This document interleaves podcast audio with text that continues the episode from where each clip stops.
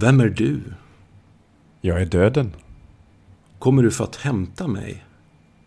Jag har redan länge gått vid din sida. Det vet jag. Är du beredd? Min kropp är beredd, inte jag själv. Vänta ett ögonblick. Så säger ni alla. Men jag lämnar inga uppskov. Du spelar ju schack, inte sant? Hur vet du det? Och jag har sett det på målningar och hört det i visorna. Ja, jag är verkligen en ganska skicklig schackspelare. Du kan ändå inte vara skickligare än jag. Varför vill du spela schack med mig? Det är min sak. Det har du rätt i. Villkoret är att jag får leva så länge jag står dig emot. Spelar jag dig matt friar du mig. Du fick svart.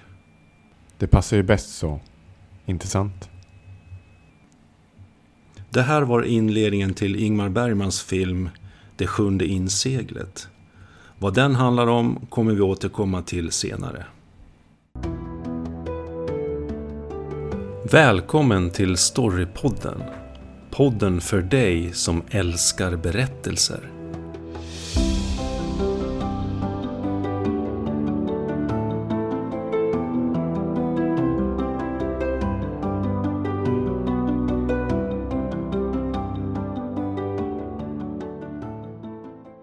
Idag ska vi prata om inledningar i olika berättelser.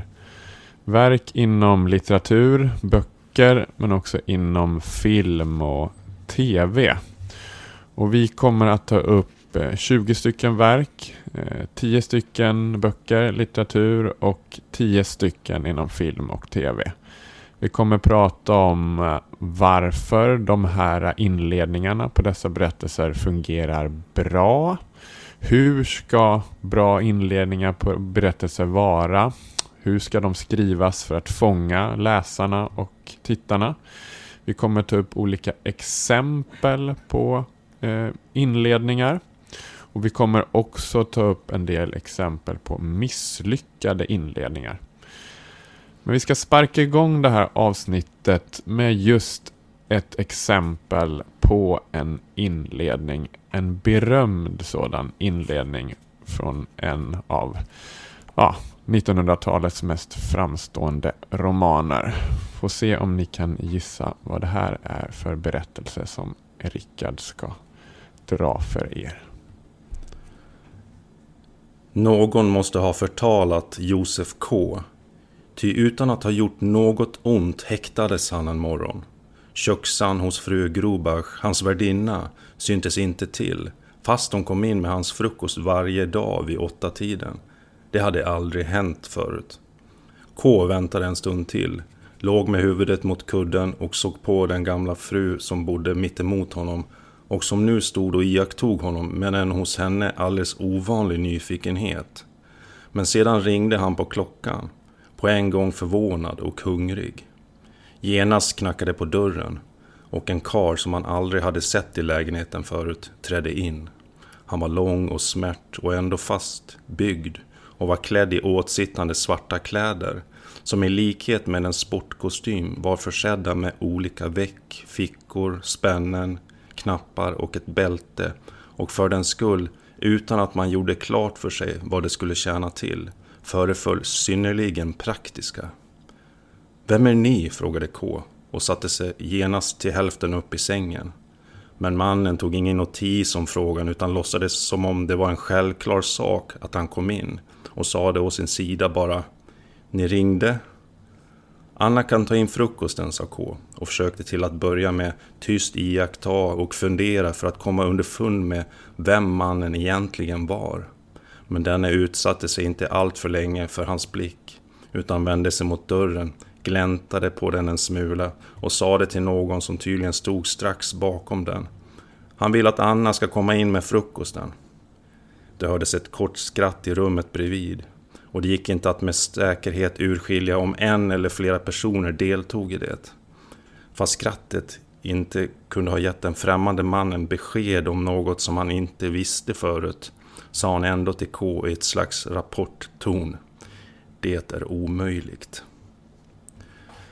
Ja, så börjar alltså processen av Franz Kafka som gavs ut postumt eh, 1925. Eh, jag tror den gavs ut i Sverige eh, 45, tror jag. En klassiker, en eh, ska vi säga, en, en mardrömsresa in i ett byråkratiskt eh, ja, limbo på något sätt. Han, han blir ju eh, anhållen, häktad då, eh, fast man inte egentligen vet om han blir det eller inte. Det är någon, den är lite lustig på det sättet, men, men samtidigt väldigt eh, humoristisk tycker jag. Vad säger du, Olof? Ja, nej men det, det här är verkligen det, det Kafka-artade. Att söka efter svar och aldrig få det. Och liksom komma djupare in i det här labyrintlika byråkratiska helvetet. Liksom. Och det absurdiska. Eh, mm. Och liksom inte riktigt till slut förstå sig själv och, och, och, och tappa förnuftet också. Eh, och möta de här um, karaktärerna vars frågor man har liksom bara studsar tillbaka mot den. Liksom. Eh, de förstår mm. kanske inte alltid själva sådär heller. Eh, varför i det här fallet Josef K ska vara häktad. Men det, liksom, det bara är så. Och de bara liksom trummar på själva som robotar. Och han blir allt mer frustrerad och, och desillusionerad. Liksom.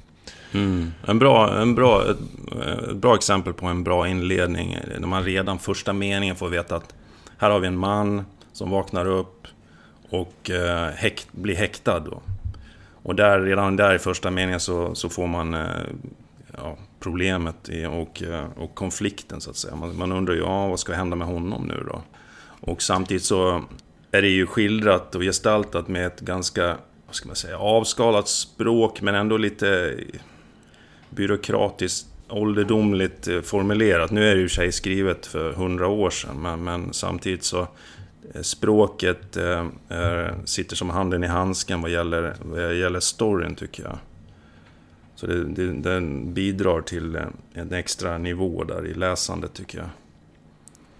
Mm. Ja, absolut. Eh, men som du är inne på så har vi verkligen den här hooken direkt då. Att man mm. lyckas fånga in läsaren direkt med första meningen. Och det är väl det som väldigt mycket det här med inledningar handlar om. Liksom att skapa en nyfikenhet hos läsaren, få den att dras in i berättelsen, väcka nyfikenheten, få läsaren att undra och vilja fortsätta att ta reda på fortsättningen, att läsa mer, att aktualisera den här dramatiska frågan. Liksom, hur ska det gå? Mm. Och i det här fallet så introduceras ju också eh, världen ganska mycket. Det här absurdiska, byråkratiska. Eh, det är mystiskt, eh, närmast eh, liksom, eh, thrillerliknande. Så man förstår lite vad det är för slags genre, vad det är för slags story. Det är också något som är viktigt inledningsvis i en berättelse. Så att läsaren ska förstå det. Som du är inne på konflikten och problemet direkt. Josef K måste förstå varför han har blivit eh, anklagad och, och, varför han ska häkta, häktas. Och som läsare vill vi också det. Liksom, eh, ja, mm. vad, har han, vad har han gjort egentligen? Liksom börjar vi eh, undra. Och mm, sakta förstår man ju det under berättelsens gång att han egentligen inte har gjort någonting utan det är bara det här helvetes eh, liknande, det Kafkaartade liksom som, som Kafka vill förmedla liksom som kan vara en del av en, den moderna människans eh, ja, existens på, på olika sätt. Det finns olika tolkningar kring, kring, kring mm. hans berättelse självklart. Då. Ja, jo, det är ju snyggt uh, gjort också. Han har ju den här grannfrun som står och iakttar honom med en ovanlig nyfikenhet. Och sen har du ju då den här mannen eller männen som är utanför rummet och symboliserar då staten eller, mm. eller ska man säga, mannen i svart ungefär, eller storebrodern ja. som, som, ja. som, som styr allting i, i skymundan så, och drar i trådarna. Så det är, det är redan på första sidan som jag läste då, så, så, så har man ju mycket av eh, världen och problematiken på något sätt. Ja, och det bara fortsätter ju liksom på, på mm. det här sättet eh, också. Men det här Ja, är en av de stora, stora inledningarna eh, inom liksom, eh, världslitteraturen och egentligen både genom den första meningen men också första stycket så, så lyckas ju Kafka eh, fånga in oss som, som läsare. Och jag menar, vi har ju olika tålamod som, som läsare och, och tittare. Vissa har ork eller tålamod att läsa ganska många sidor innan de blir helt tagna. Andra eh, behöver eh, färre sidor på sig.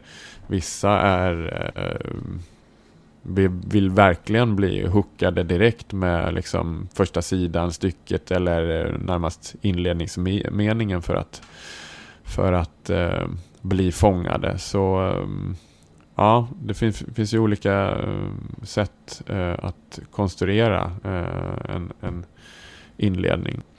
Jag tror, eh, om jag får sticka in det, jag tror också att det blir markant när det gäller romaner så, för att det är ju trots allt några timmar man, man investerar i en roman, om man säger så. Det tar några timmar att läsa en roman på ja, 300-400 sidor så. Beror på hur snabbt man läser, men, men förstår jag menar? Det är en större investering i, i sin egen tid än att bara se en en timme och 45 minuters film. Så, så det, det kräver ju lite mer att ta sig in i en sån berättelse. Jo, nej, men jag tänker så också. Och Mm. eh, vi har väl diskuterat förut någon gång om det här med att vi kanske har blivit ännu mer, eller fått ännu sämre tålamod liksom överlag som människor i, i, i dagens Ja, vi vill ju ha eh, framfarande samhälle liksom. Eh, Precis. Det finns valbarhet överallt Mm. liksom. Vi jäktar och, och stressar fram. Så kanske det här också bidragit till att man idag liksom vill hooka läsaren, fånga läsaren ännu snabbare än hur det Mm. var eh, för ett tag sedan. Då. Eh, Det finns ju olika varianter självklart inom, inom världslitteraturen och inom eh, berättelsehistorien. Man kan bygga upp en inledning mycket långsammare, mer grundläggande, berätta om karaktären och världen och sen händer någonting. Så kan det vara inom sagorna, liksom. det var en gång och, och så eh, börjar lite smått sakta och sen händer något. Eller så Mm. kan det ju vara liksom att man mer direkt kastas in i, i en action eller en handling då. Att det verkligen drar till, drar igång direkt då. Lite som med, med processen då att direkt så är det någon som stövlar in hos Josef K liksom och allt drar igång. Det är det Mm. som man brukar kalla in medias res då, liksom att börja mitt i eh, handlingen. Och vi har också ett sådant exempel då i nästa verk. Eh, och det är också Frans Kafka som är författaren till denna berömda novell vars inledande mening lyder så här. När Gregor Samsa vaknade en morgon ur sina oroliga drömmar fann han sig liggande i sängen förvandlad till en jättelik insekt. Det är ju en helt otrolig första mening och, och när man läser den undrar man ju självklart vad fan det är frågan om egentligen. Ja, hur kan han ha blivit förvandlad till en jättelik insekt och vad handlar det här om? Och, och, Ja, och han är bra på att sätta dilemmat i första meningen, Kafka. Det, det måste jag säga. Det är likadant i processen ju. Och det, ja, nej, det är snyggt och man, man undrar ju vad ska hända och vad, vad kommer man bli utsatt för. Och, och det är samtidigt lite humoristiskt. Han har ju, han har ju ganska, han är som jag ser det så är det en väldigt humoristisk författare. Och i- Verkligen. I, ba- alltså, som, som komiker ofta är, det är ju humor fast baserat, grundat i någon slags eh, kritik och, eh, och eh, tragik. tragik. Ja, exakt. Mm. Jo men verkligen. Ja. Ehm, Men, men, den eh, förvan- från förvandlingen, den meningen, där, var, där vaknar vi verkligen till. Oj, det här måste jag läsa. Verkligen. en fantastisk novell faktiskt, det, det tycker jag.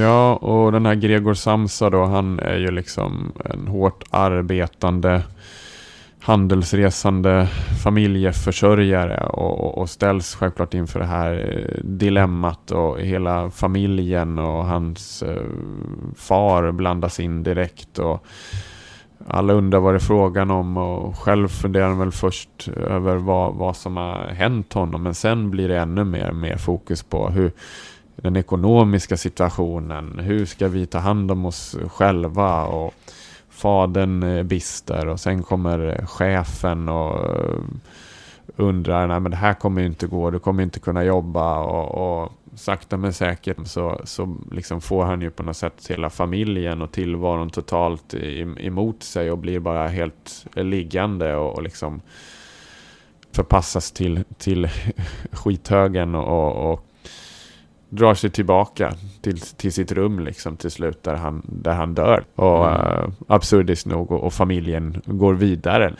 Ja, det blir liksom att återigen väldigt mycket som i processen att eh, det är hans fel på något sätt men han, han förstår ju inte vad som har drabbat honom. Hela det här liksom mardrömslika, labyrintlikna, det byråkratiska oket får han ju också över sig och får skuldkänslor fastän han egentligen, ja, egentligen inte har gjort någonting utan han har bara förvandlats till en insekt. Ja, men Kafka ja. i alla fall en av de stora mästarna självklart och en av mästarna mm. framförallt när det gäller inledningar då.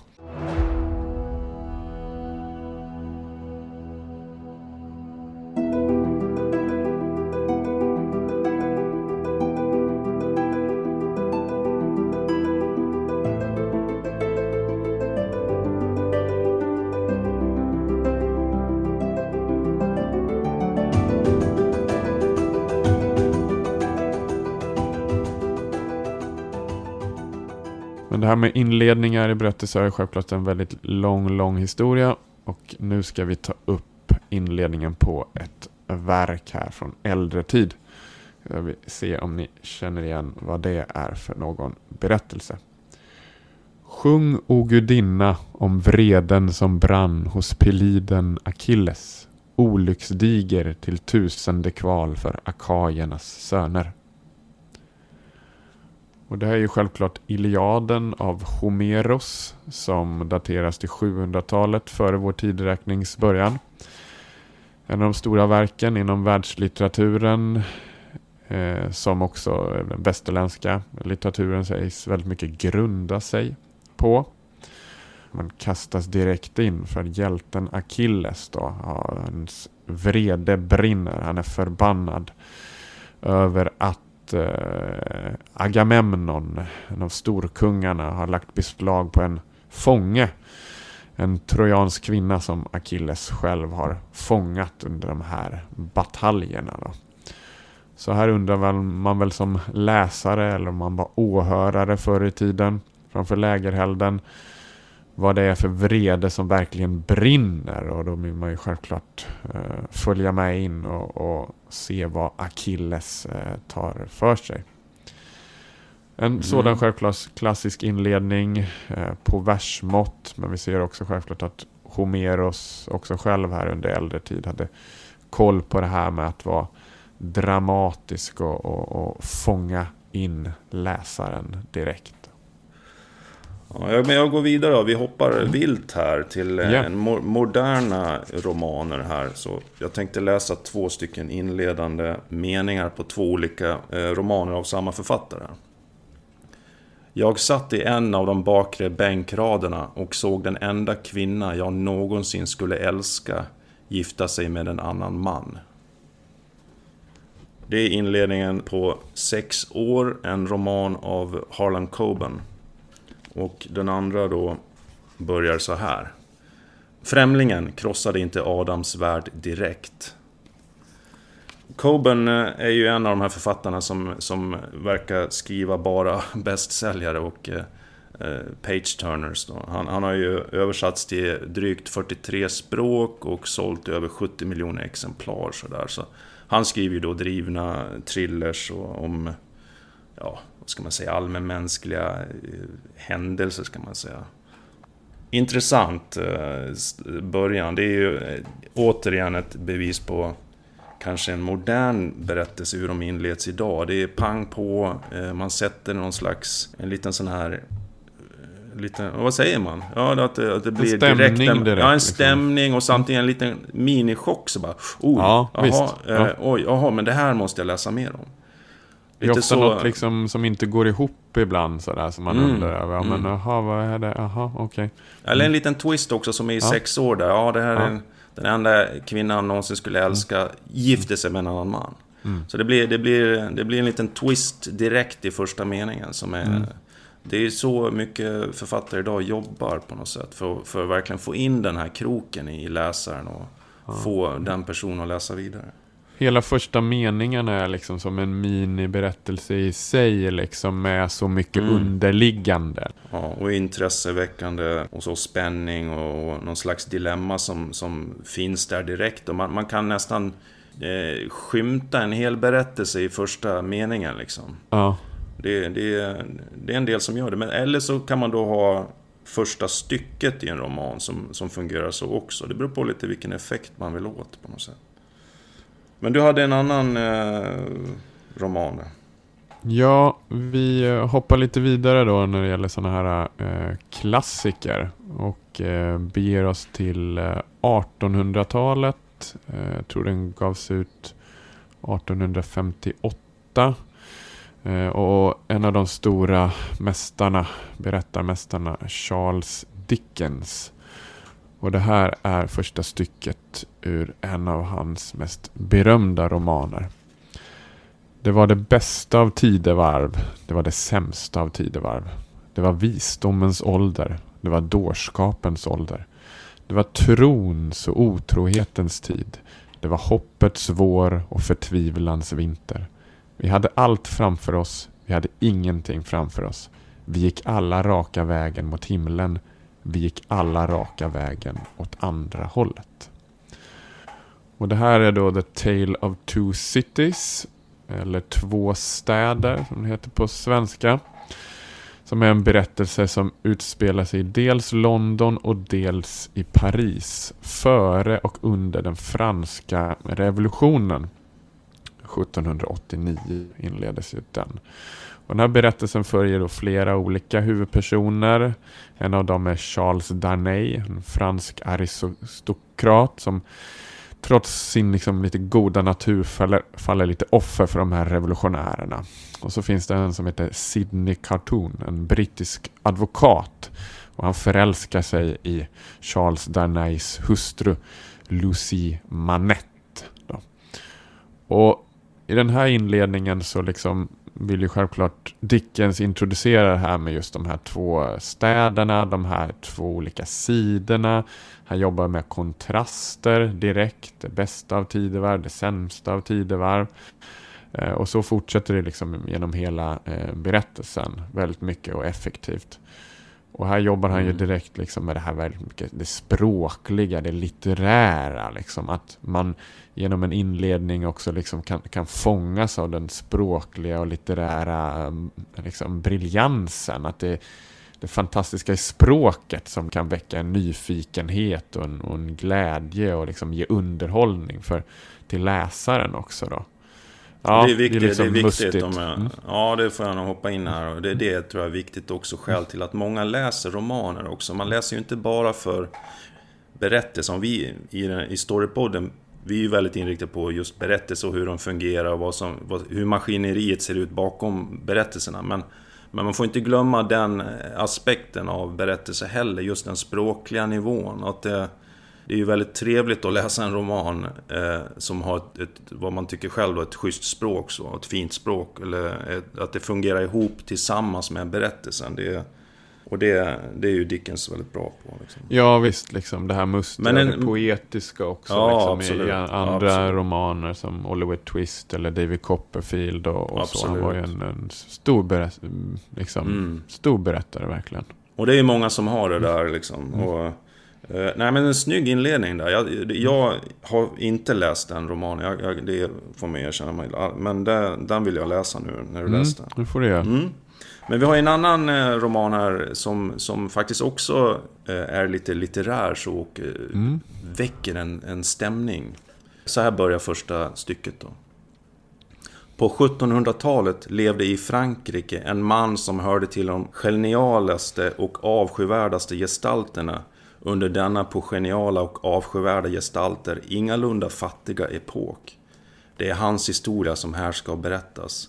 Han hette Jean-Baptiste Grenouille och om hans namn i motsats till namnen på andra geniala vidunder, till exempel Dussad, Saint-Just, Fouché, Bonaparte och så vidare, numera är bortglömt, så beror det förvisso inte på att Grenouille skulle ha stått dessa mer berömda mörkmän efter i fråga om självförhävelse, människoförakt, immoralitet, kort sagt i fråga om gudlöshet, utan på att hans geni och hans enda ärelystnad inskränkte sig till ett område som inte lämnar några spår efter sig i historien, till lukternas flyktiga rike. Det är inledningen på Parfymen, berättelsen om en mördare av eh, Patrik Syskind som gavs ut, eh, ja när då? 1985. Eh, en av mina favoritromaner faktiskt. Jag, jag, jag dras ju kanske lite till de där mörka berättelserna som är lite, har lite weird i sig. Ja, men här har man ju liksom också den här liksom konflikten inom karaktären direkt också som, mm. som är verkligen fascinerande. Det här med med liksom det hemska och det geniala. Och mm. när, man, när man läser eller hör inledningen så undrar man ju också liksom om sysken också var liksom influerad faktiskt närmast av, av två städer av Charles Dickens. Liksom just börja med de här kontrasterna på något sätt också. Men så, eh, ja. Det kan vi gräva i och kolla om det var så. Mm. Ja, så, så fortsätter ju Syskin och målar upp hur, hur det råder en total stank i städerna på den här tiden. Och eh, hur Grenouille föds eh, mitt på en marknad bland eh, massa fiskrens och sånt där. I en värld av stank och odörer och lukter och dofter. Och, så den är... Ja, jag rekommenderar den romanen. Filmen är också bra faktiskt. Jag tycker mm. att de gestaltade filmen. Jag var lite skeptisk när, filmen, när jag hörde att de skulle filma den. Men sen när jag såg den så Ja, de gestaltar faktiskt eh, doftvärlden väldigt bra tycker jag. Ja, ja men den är bra. Också ett tips. Ja, ja då, vi går vidare. Mm. Vi går vidare då med en annan eh, klassiker här. Och eh, jag ska läsa de första meningarna. Det var en klar kall aprildag och klockorna visade 13. Winston Smith tryckte hakan mot bröstet för att slippa snålblåsten och slank hastigt in genom glasdörren till segerhuset. Men inte tillräckligt hastigt för att hindra en virvel av dammfin sand att följa med in. Och det här är ju inledningen till 1984 av, Charles, äh, av George Orwell. Och han skrev den 1948 och den gavs ut 1949. Och det är ju en slags, ja, menar man, liksom eh, allegori över ett eh, förtryckarsamhälle, en diktatur, troligen då liksom eh, Sovjetkommunismen. Och eh, det är ett samhälle då som styrs av den här diktaturen och eh, huvudkaraktären då eh, bor i provinsen Airstrip One. Alltså före detta Storbritannien. Det här är en utopi, en framtidsvision. Och landet då kallas för Oceanien och där är det ständigt krig och konstant övervakning av medborgarna från regeringens sida och det är liksom järnkontroll över allmänheten och Big Brother, storebror, finns alltid där och eh, bevakar. Då. Ett politiskt parti styr, går under namnet partiet, individen är underordnad staten. Och Winston Smith då huvudkaraktären, han är en tjänsteman då eh, som eh, ansvarar för eh, delvis det här med partiets propaganda och, och så. Och eh, i slutet av det här första kapitlet då så får man ju då reda på lite mer att han har en del aber med det här och gillar det egentligen inte och börjar få funderingar på att göra någonting åt det.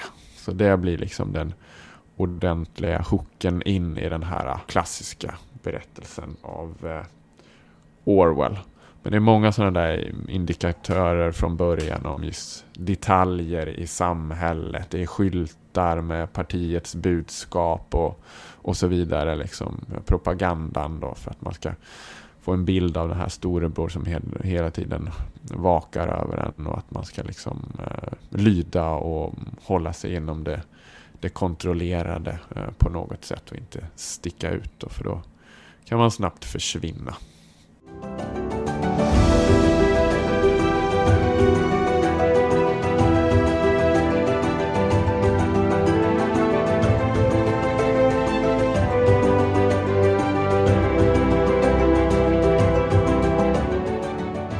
Ja, vi gör ett uh, hopp till uh, Hollywood här nu. En uh, roman som heter Death by Hollywood.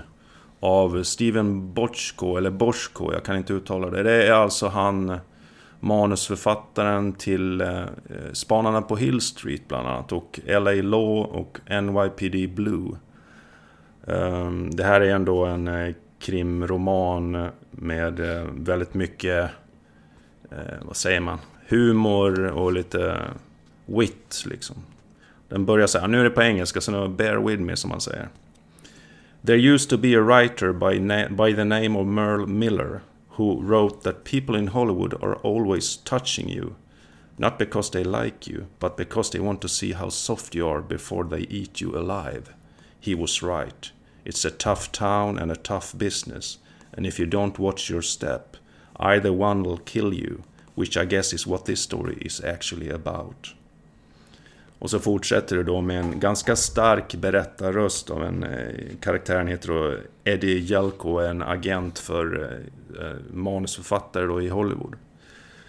Eh, roligt och eh, skarp eh, humor liksom, som, som löper genom hela texten. Det är väl ett exempel på en lite mer glimten i ögat, sådär lite, lite halvkaxig inledning tycker jag. Vad säger du om den? Jo, nej, men just det här med, med stämningen och, och lite det smarta och finurliga och lite mm. roliga liksom är som sagt ett sätt att, att dra in läsaren i, i, i berättelsen liksom, och, och få den att le lite, smila lite. Liksom. Då har man mm. läsaren på tråden. Mm. Jag tror vi har pratat lite tidigare om det här med att det, liksom, det skulle kunna vara en så noir-film det här med någon eh, mm. berättarröst sådär. Ja, absolut. Absolut. Man kan tänka sig lite noir-stämning, precis som... Tänk på, vad hette den där? LA Confidential av ja. James Elroy eller något sånt. Var, de Just. hade väl också en voice-over tror jag. Någon går runt där på, på gatorna ja. och, och, Det regnar. Och, och, ja, precis. Lite smarta eh, mm. konversationer mm. sådär. Ja, nästa då är ju lite liknande då. Ehm, och den punkten kan man säga egentligen en samling av olika slags verk. Då. Ehm, för många eh, verk, berättelser börjar ju då på eh, det här sättet. Ett mord har begåtts. Ja. eller att ja, någon mördas eller någon dräps. Liksom. Eh, mm. Och det är ju självklart deckare eller eh, kriminalromaner. Och eh, det finns tusentals av de dessa, kanske de mest lästa inom genrelitteraturen. Och där har vi självklart allt från Agatha Christie till Camilla Läckberg. Liksom. Och, och, det här är ju standard, det är genremarkörer direkt. Liksom. Ett brott har begåtts i första kapitlet.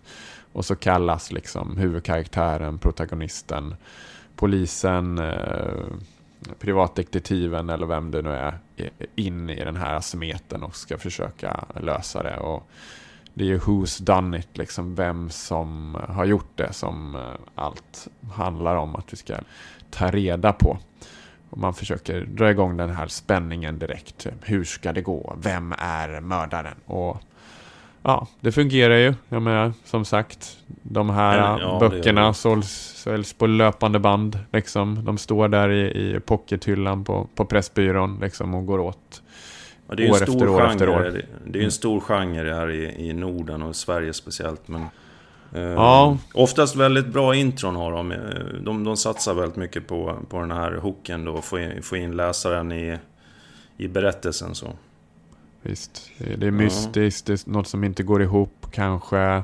Eh, det är ledtrådar ja, och sen fortsätter den här liksom ledtrådsreakten och, och katt och råtta-leken. Liksom för, både för, för polisen då, eller huvudkaraktären och, och, och brottslingen men också liksom läsaren själv då som ska luras lite fram och tillbaka av, av författaren för att hålla eh, spänningen vid liv och fortsätta läsa ända fram till slutet. Mm. Ja, Då har vi en eh, sista precis. här på litterära ja, vi, listan. Vi, vi måste ju skärpa till oss lite här och faktiskt ta en svensk författare, eh, också en klassiker. Vi, kan ju inte, vi, kan ju, vi måste ju ha med en svensk helt enkelt. Eh, och det är en av mina favoriter, Per Lagerkvist. Eh, jag tänkte läsa lite ett utdrag här då. Och så får ni gissa vad det är för någonting innan jag säger vad det är. Jag är 26 tum lång, välväxt med de rätta kroppsproportionerna. Möjligen är huvudet något för stort. Håret är inte svart som andras utan rödaktigt, mycket strävt och mycket tätt. Bakåtstruket från tinningarna och från den breda fast den inte särskilt höga pannan. Mitt ansikte är skägglöst men annars precis likadant som andra mäns. Ögonbrynen är hopväxta. Mina kroppskrafter är ansenliga, särskilt om jag blir retad. När brottningskampen anordnades mellan mig och Josafat tvingade jag honom efter 20 minuters strid ner på rygg och strypte honom. Sedan dess är jag ensam dvärg här vid hovet. Och det är då wow. ur Dvärgen då av Lagerqvist. Från, eh, ja nu skrev han den, nu måste jag titta här. 1944, 44. ja precis, 44 klassiker. Det är den här dvärgen då som berättar sin egen historia i det här renässansmiljön. Det är väl någon slags feodal miljö kanske mm. i alla fall. Och, eh, men det är, det är så snyggt berättat och man märker den här, den här eh, ondskan som pyr under ytan på något sätt. Och, eller inte under ytan ens, han stryper honom och ihjäl mm. honom. Mm. han är ju... Ja, nej, den är, den är bra. Ja, nej, men det är verkligen mm. som du säger karaktären och ondskan, mm. det stora temat och hans girighet och hans avund och, och allt det här liksom. Är det lyssnade liksom, mm. som han jobbar mm. efter. Mm. Och jag kommer ihåg själv när jag läste den här boken i högstadiet eller när det nu var liksom. Just det här första stycket. Jag blev helt bara wow. Aha, jo, samma vilket här. stycke, vilken inledning och, och, den här twisten som det är på liksom att eh, ja han liksom dräpte en annan dvärg liksom och, och ja. Jo, han gör det ju snyggt. Han gör det ju snyggt. Han, han, han vaggar in läsaren i lite mm. falsk trygghet så med hur han beskriver hur den här kortväxta mannen ser ut. Och sen plötsligt pang på. Jaha, nu har, nu har han ensam dvärg vid hovet. Ja. Så det, ja, det, är, det är ett exempel på hur man, hur man använder ett första stycke i en roman på ett schysst sätt tycker jag. Ja, nu har vi mm. listat eh, tio yes. stycken olika verk och, och, vi kommer sammanfatta det eh, lite senare här i avsnittet och också prata lite om det här med lite mer misslyckade inledningar. Men nu ska vi gå över till film och tv och kasta oss in i den inledningen som vi också själva hade på det här avsnittet. Och det var ju självklart från Ingmar Bergmans Det sjunde inseglet. Eh, kanske mest, den mest berömda inledningen på en svensk film, men också liksom inom hela filmhistorien i sig. Där då riddaren Antonius Block spolas i land, kommer hem från korstågen och möter där döden. Och eh, Döden har sedan länge gått vid hans sida och eh, Antonius Block får då döden att vänta lite. Och de börjar spela ett, ett parti schack och han får då möjlighet att försöka bege sig hemåt under den här tiden. Då.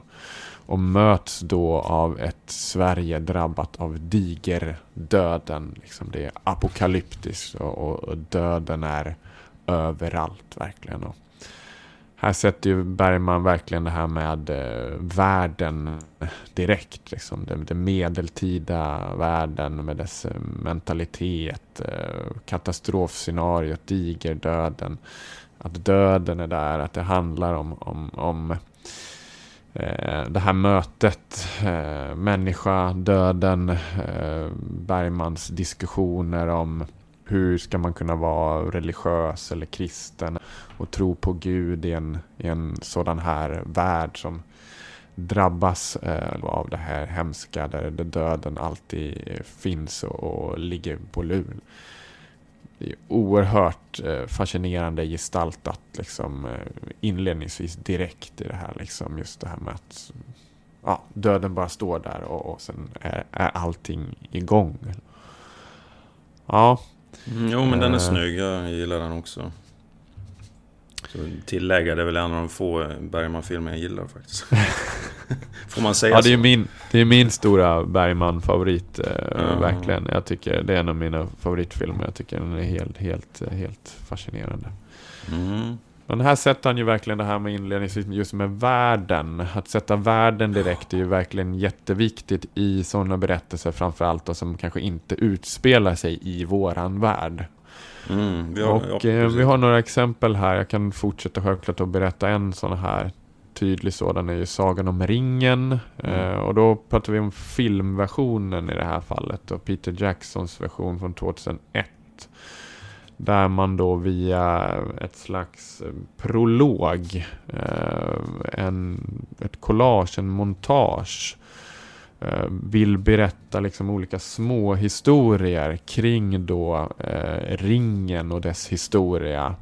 Eh, men också då den här världen Midgård och hur den befolkas då av alver och människor och, och, och dvärgar och man vill introducera den hemska mörkrets första Sauron direkt och föra ringens historia vidare genom Eh, mytologins tidsåldrar via Smegol och Gollum och ända fram till, till Bilbo och eh, hobbitarna. Liksom. Så det är liksom av, av vikt för den, den filmiska publiken liksom att verkligen slungas in och försöka förstå den här världen då direkt som är egentligen helt olik självklart då vår egen då. Så ja, Sagan om ringen filmen där den första är ett väldigt eh, tydligt sånt exempel effektivt berättat att man får den här liksom minihistorien direkt kring, kring ringen och Midgårds värld och verkligen dras in i den och vill på ett nyfiket sätt sen veta mer och mer och mer av det här kampen mellan det onda och det goda och hur det ska gå och vilka alla är egentligen. Jag tänker så här också, samtidigt är det ju lite vågat att börja med en prolog. Så för att man brukar ju varna lite grann i manusförfattarvärlden att man ska inte göra prologer egentligen. För det är egentligen handlar ju det bara om exposition. Alltså att man bygger världen, man måste förstå den, eh, ja, hur allting hänger ihop. Så att, men det är ju här är det ju ganska bra gjort ändå tycker jag.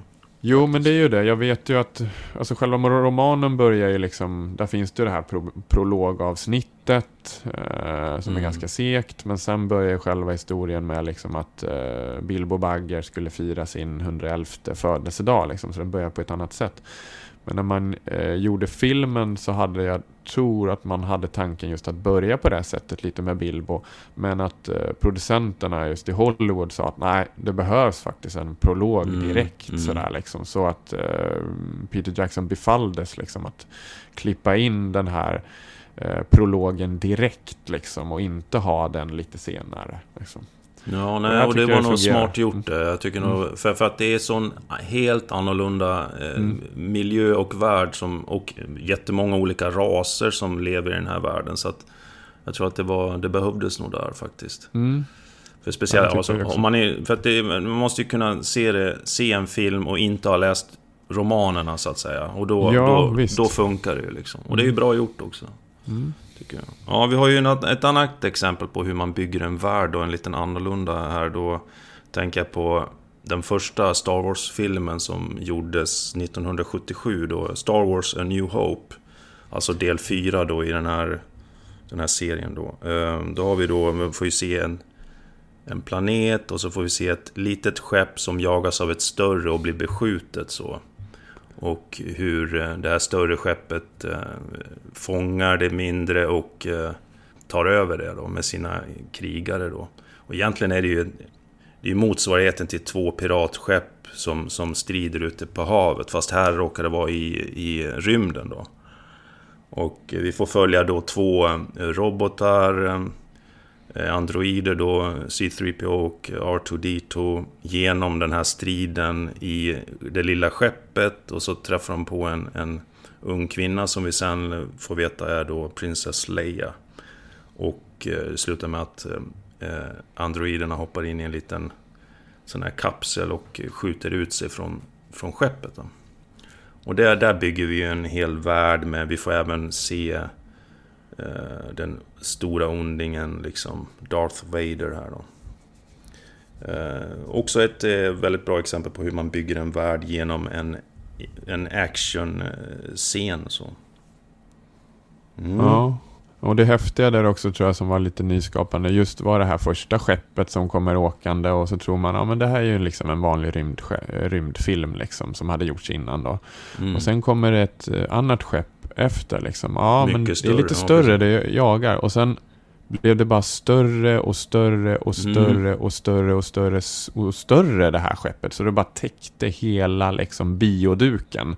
Och ja. fick liksom alla, alla att gapa liksom. Att mm. det här är verkligen någon, någonting extra liksom. Nu är det, nu är det verkligen rymdopera här liksom. Nu kör och, och 1977 var det här ju långt före sin tid. Det, det, ja. det får man ju liksom sätta det i kontext också. Och, och, på den tiden gjorde man ju allting med riktiga handbyggda modeller dessutom. Så det var... Ja, det var ett rejält jobb bakom de scenerna kan man ju säga. Hela den filmen är ju...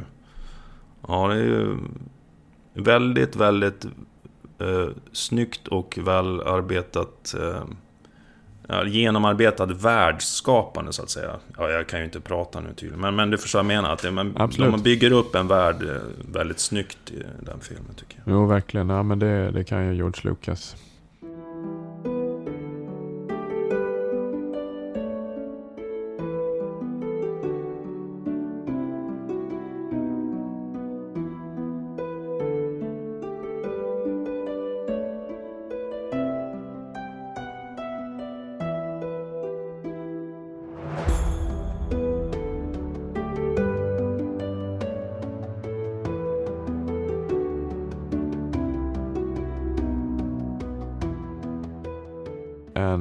Äldre eh, klassiker. Citizen Kane av Orson Welles. Manus tror jag av Herman J. Mankiewicz 1941. Och det handlar ju om tidningsmagnaten Charles Foster Kane. Och inleds då eh, liksom närmast gotiskt och mörkt. Så man ser ett gammalt slott längre bort och man går in genom grindarna. Och så kommer man fram liksom till ett av fönstren där och kikar in. Och där står då den här Charles Foster Kane på sin dödsbädd. Och då får man höra hans sista uttalade ord. Då. Eh, Rosebud. Och det som blir starten kring hela det här mysteriet. Då, som går ut på att eh, det är en journalist kan man säga. Väldigt så här löst sketchartad figur som reser runt för att försöka träffa de som kände Charles Forster Kane och få reda på vem var han egentligen. Så det blir stor som fråga och stort som mysterium direkt då som man drar som tittare in i ett väldigt effektivt eh, och klassiskt eh, skrivet eh, manus också som var prisbelönt. Ja, har man inte sett den, en av de stora filmiska klassikerna. Citizen ja, den är, den är väldigt bra. Ja, vi har ju en annan då, lite mer modern film från 99. Jag eh, tänker på The Matrix då.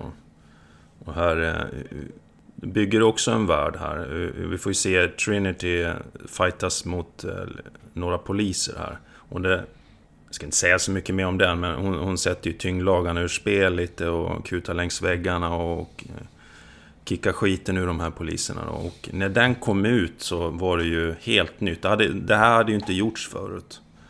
Så det var ju verkligen en eh, ögonöppnare. Så jag tror de flesta hajade till i biosalarna där. Ja, det hade i alla fall inte gjorts i, liksom i, i Europa eller USA. Men väldigt mycket japanskt inspirerat. Liksom. Men det är ju, ja, kanske så. Ja. Mm. Väldigt, och just den här du säger. världen också. Det, var ju, det är ju som två världar i den här filmen. Så. Eh, som- Ja men man hajar ju verkligen till när hon liksom hoppar upp där och gör någon Mm. superkick liksom med båda benen och tyngdlagarna sätts Man- ur spel och man undrar liksom vad är det frågan om här liksom och så finns det självklart en förklaring till det där men det liksom öppnas ju upp direkt det där liksom. Ja, det är också en actioninledning Ja. så, men samtidigt så märker man, aha, här är det någonting som utöver fysikens vanliga lagar så. Som Ja. man tänker, och det är ju det som krokar eh, tittaren liksom. Aha, vad Ja. är det här för någonting? Vi måste se vidare. Det, det, det, det var snyggt när den kom ut. Det var, ja, jag gillar det. Ja, ja men den Mm. har mycket att säga också. Det är inte bara action. Mm. Nej, det är det Men inte när vi ändå håller på att prata om action så är ju det ändå självklart då eh, ett effektivt sätt att, starta eh, både en bok men kanske framförallt en film då eller ett tv-avsnitt. Liksom, att slungas direkt in i det här spännande, det händer saker, det skjuts, det hoppas, eh, det springs, ja. Det är volter och allt möjligt liksom, eller biljakter liksom. Det är ju ett väldigt så effektivt sätt då. Och och i The Dark Knight av Christopher Nolan från 2008 så eh, används det eh, verkligen. Det är ju uppföljaren till Batman Begins som kom några år tidigare. Den andra delen i den här Dark Knight-trilogin.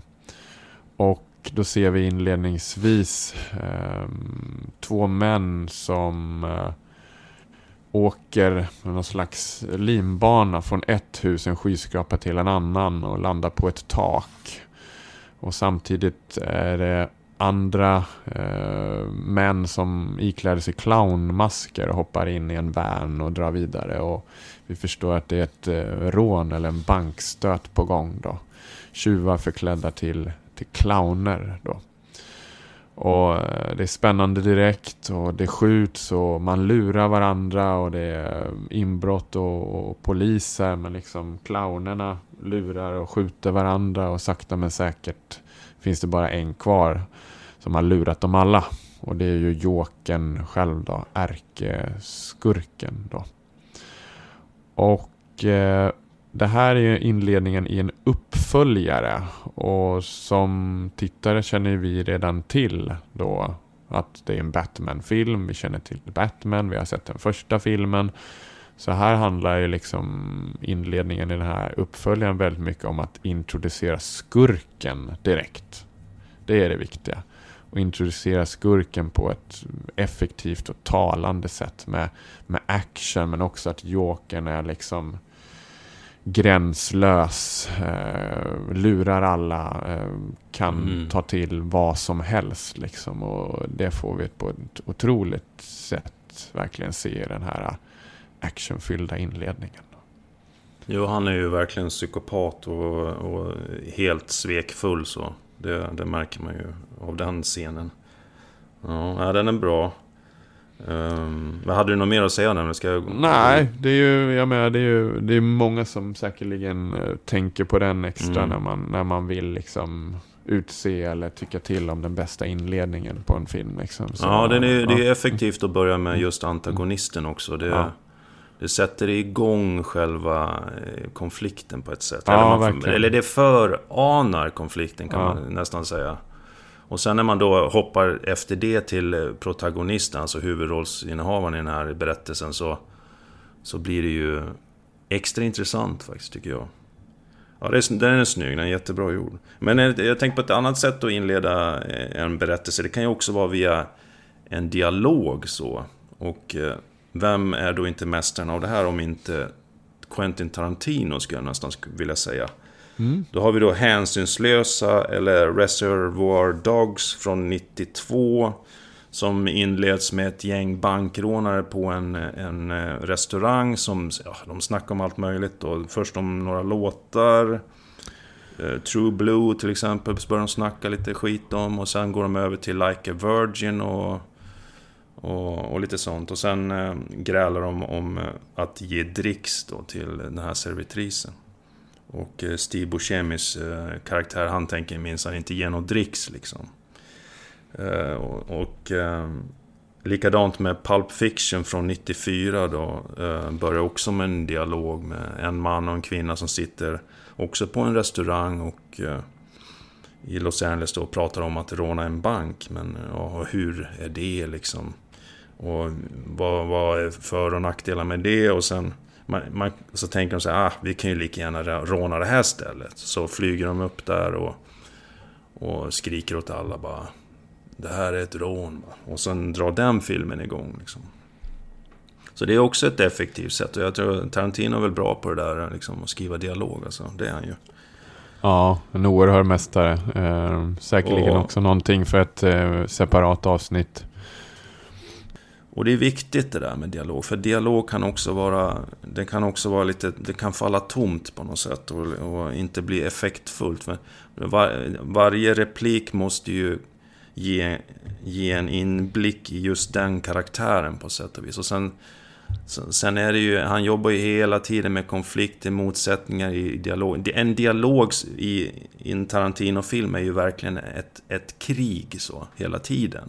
Det är ju en kamp liksom mot två viljor mot varandra på ett sätt. Han gör det ju roligt också samtidigt och det är ju... Det är ju det är witty och det är, det är liksom... Ja, han är bra på det. Mm, du hade ju någon annan där också ja. Ja, nej, men det här med liksom dialog och sätta karaktärer eh, eh, är någonting också som används självklart inom tv. Och jag tänkte ta upp just The Office av Ricky Gervais och Steven Merchant. Eh, den här numera klassiska mockumentary tv-serien eh, som utspelar sig på ett eh, kontor som också har fått både såväl en amerikansk och en svensk version också. Men här är väldigt mycket dialog och det handlar väldigt mycket om att sätta karaktären direkt då.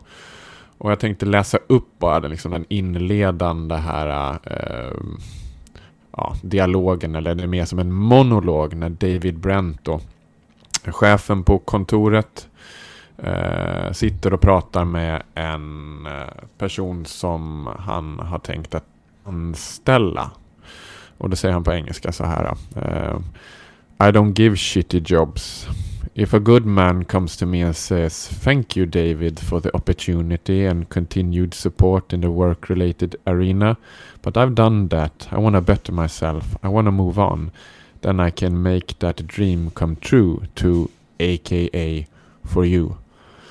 The point is you talk the talk, you do not walk the walk. Vis-a-vis you have not yet passed your forklift driver's test. The man who gives the jobs is a, in the warehouse is a personal friend of mine. Alright, I know you're the man for the job.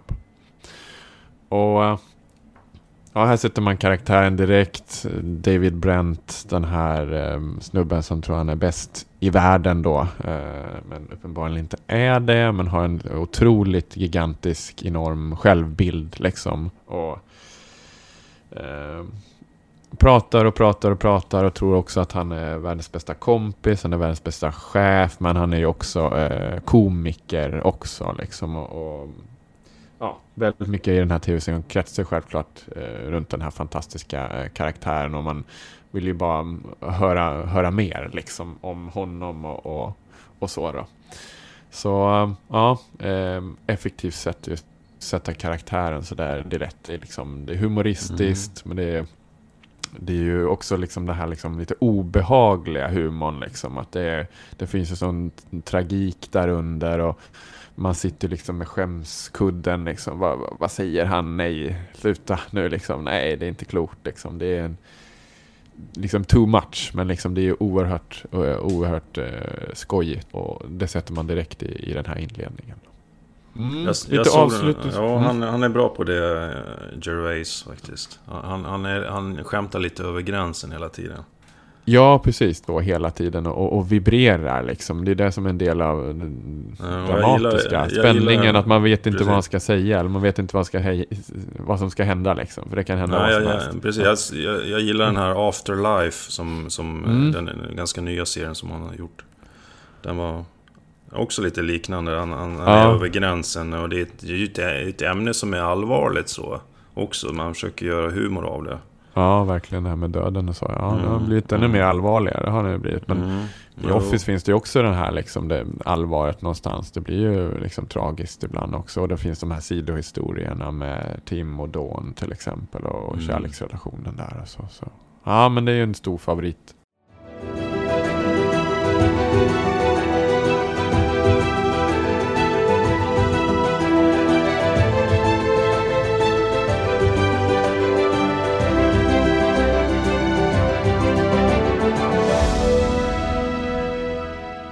Vi fortsätter på vår lista och måste bara nämna en australiensisk tv-serie som heter The Slap. Eller Örfilen på svenska. Örfilen handlar eh, inledningsvis om Hector, det första kapitlet. Och Hector lever med sin fru och sina barn i ett hus i Australien. Jag tror att det är eh, i Melbourne. Och när berättelsen börjar då är det hans 40-årsdag och de ska ha födelsedagskalas och flera släktingar och vänner ska komma. Allt verkar vara lite sådär frid och fröjd på ytan. Men under ytan så börjar Hector att grubbla då sin relation till andra bekanta, till sin fru. Han börjar titta lite extra på en yngre tjej, hon som brukar vara barnvakt åt barnen. Kalaset drar igång. Det är mycket folk, det är lek, det är mat, det är alkohol. Och plötsligt tar allt en chockartad vändning när barnens lek ute i trädgården urartar och Hectors kusin, machokillen Harry, ger ett av barnen en örfil. Gör det förbjudna, det tabulagda. Och helvetet bryter ut och de här flera av de här karaktärerna som är på kalaset då eh, liksom slungas ut i det här eh, händelseförloppet då, som drar igång hela romanen och tv-serien också. Det är åtta olika personer då som man får följa lite extra. Bland annat ännu mer Hector men också den här kusinen Harry till exempel. Och det, det är verkligen konflikter direkt som det handlar om verkligen. Och det är ja, effektivt eh, berättat. Ja, missade mm. ni den så, så kolla den verkligen och läsa och, och titta extra på. För, ja. Nu har vi ju tagit upp lite, ofta ganska sådär lyckade eller fungerande mm, inledningar i både då litterära verk och i film och tv. Men det finns ju också självklart en del exempel på misslyckade sådana. Jag själv är ganska mycket allergisk mot sådana här inledningar som avslöjar alldeles för mycket i början. Och eh, Det finns någon slags närmast sjuka av att börja en, en historia med slutet, som ni säkert känner till. Va? Man eh, börjar närmast med slutscenen i en film oftast. Eh, eller glimtar från en slutscen och så ska man liksom blir resten av filmen en slags tillbakablick. Uh, och jag vet inte riktigt varför man håller på med sånt ibland. Ibland kanske det funkar men ibland ser jag det här närmast som en slags osäkerhet och en nervositet hos, hos berättarna och författarna. Att man liksom vill skapa den här lite fejkade sådär, hur ska det gå frågan med det här liksom mystiska slutet i början. Liksom. Man, man tror ja. inte på mm på, på berättelsen på något Nej, sätt. Nej, man har ingen tillit ja. till uh, sin egen berättelse. På, ja, och ofta slutar det med att man avslöjar alldeles för mycket ja, mm. i början. Då, liksom. Håll, försök att hålla på grejerna. Liksom. Jag menar, de stora berättarna, liksom, författarna, de, de kan det här. Men man ser oss den här benägenheten, den här nervositeten hos många andra att liksom slunga ut alldeles för mycket för att liksom hooka tag i, i läsarna och då blir det ofta ja, alldeles för mycket och då tappar man ju spänningen och nyfikenheten när man redan delvis mm. vet hur, vad som ska hända. Och tittarna och läsarna idag är så pass kunniga i hur berättelser byggs upp och om man ger dem för mycket då, ja, då försvinner spänningen. Så sluta med det, gärna. Tänk på en annan Eh, problematisk inledning på romaner specifikt, det är ju när man börjar med repliker så. Mm. Um, det kan vara lite problematiskt. Ibland funkar det bättre, ibland funkar det inte alls tycker jag. Det är, det är ju för, av den enkla anledningen att man känner ju inte karaktären som säger någonting, säger det här då.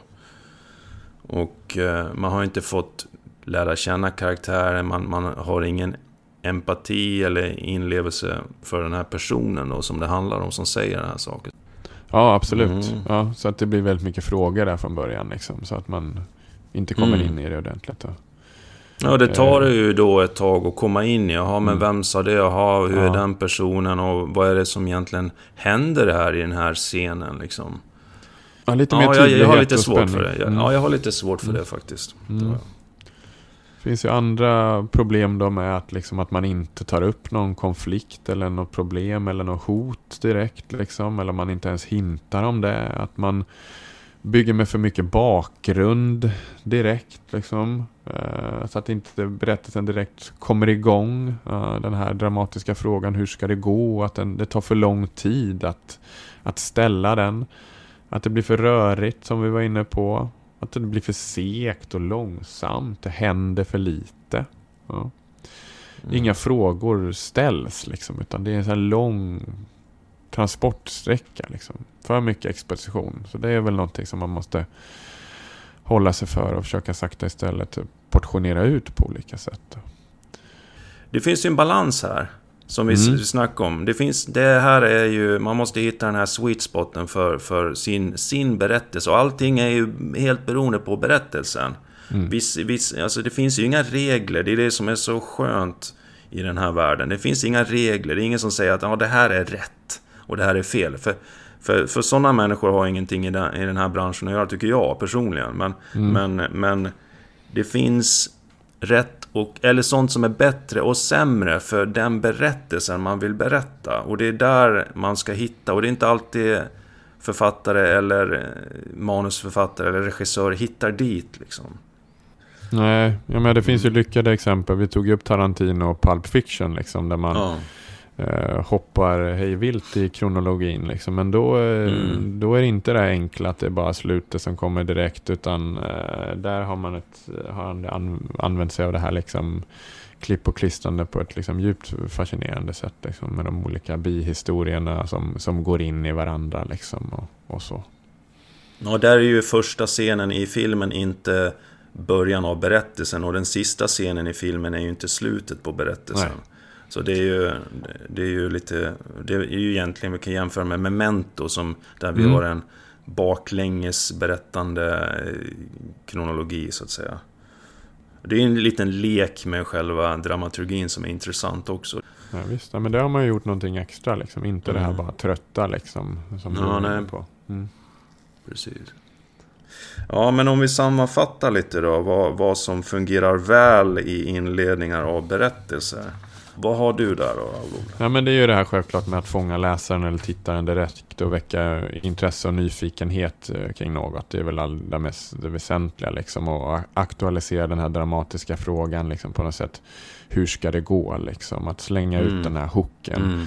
Och det kan man göra eh, med ett kapitel, säg ett stycke eller vissa tycker till och med då, som vi varit inne på, att man ska fånga med bara den första meningen till och med. Liksom, och, mm att den här meningen kan ju vara som en minihistoria i sig med olika twister och man ska kunna känna att det här underliggande eh, lagret liksom av, av stor berättelse som nu ska komma till en. Och bygga karaktär och värld, som du kanske sa det, jag vet inte, men det är också viktigt. Man får en, får en inblick kring, ja men var utspelar sig det här någonstans? Och vad är det för karaktärer mm. som lever i den här världen? Så. Prata om genre och vad det är för slags story. Att man ska gärna hinta om det direkt. Konflikten, problemet, frågorna. Ska sakta mm. men säkert börja komma. Vi mm. pratar om humor och dialog. Kan man använda sig av också. Eh, stämning. Liksom, eh, mm. Skapa den här underhållande känslan direkt.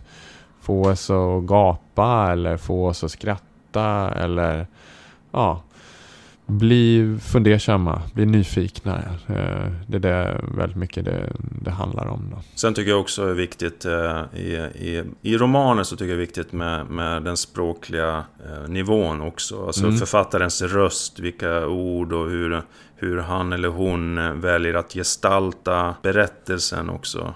Hur författaren gör klipp mellan scener och, och rör sig mellan olika rum i själva berättelsen. Det är också fascinerande och det, det, kan man ju också se i filmer. Just den här stämningen som byggs upp och vilken... Egentligen kan man, kan man säga regissörens röst? Kan man, kan man jo, säga men det så? kan man absolut säga. Det, det, det finns det... ju sådana skolor som menar att ah. på samma sätt inom film att i första bilden liksom ska berätta vad det här är för film, för genre, ah. vad det finns för röst liksom. Så många jobbar med sånt också. Bara första bilden, inte bara scenen, utan första bilden ska berätta. Ja, men för mig, för mig är det där jätteviktigt. Och, och, och jag, som jag ser gärna, jag vill gärna att det ska vara som handen i handsken i förhållande mm. till själva berättelsen. Det, får ju, det måste finnas en, eh, precis som vi snackade om processen här, han har ju ett ganska avskalat byråkratiskt språk nästan som, eh, som sammanfaller väldigt väl med den här berättelsen. Så att det, sånt gillar jag jättemycket. Ja, men... Ja, nej, eh, men, ja nej, men nu har vi ju eh, listat en hel del verk här. Tio böcker böcker, eh, tio filmer, tv-serier. Omkring det här med eh, inledningar eh, och vill självklart betona dess betydelse för berättandet och berättelserna.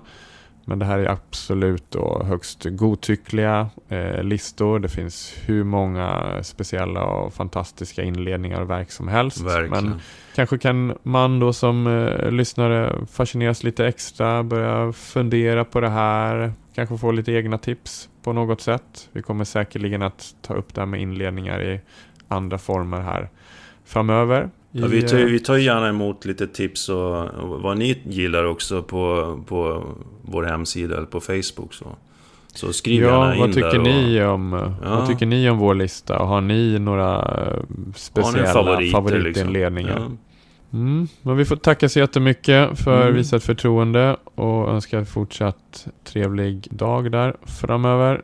Absolut. Ha det bra. Ha det bra. Hej då. Hej då.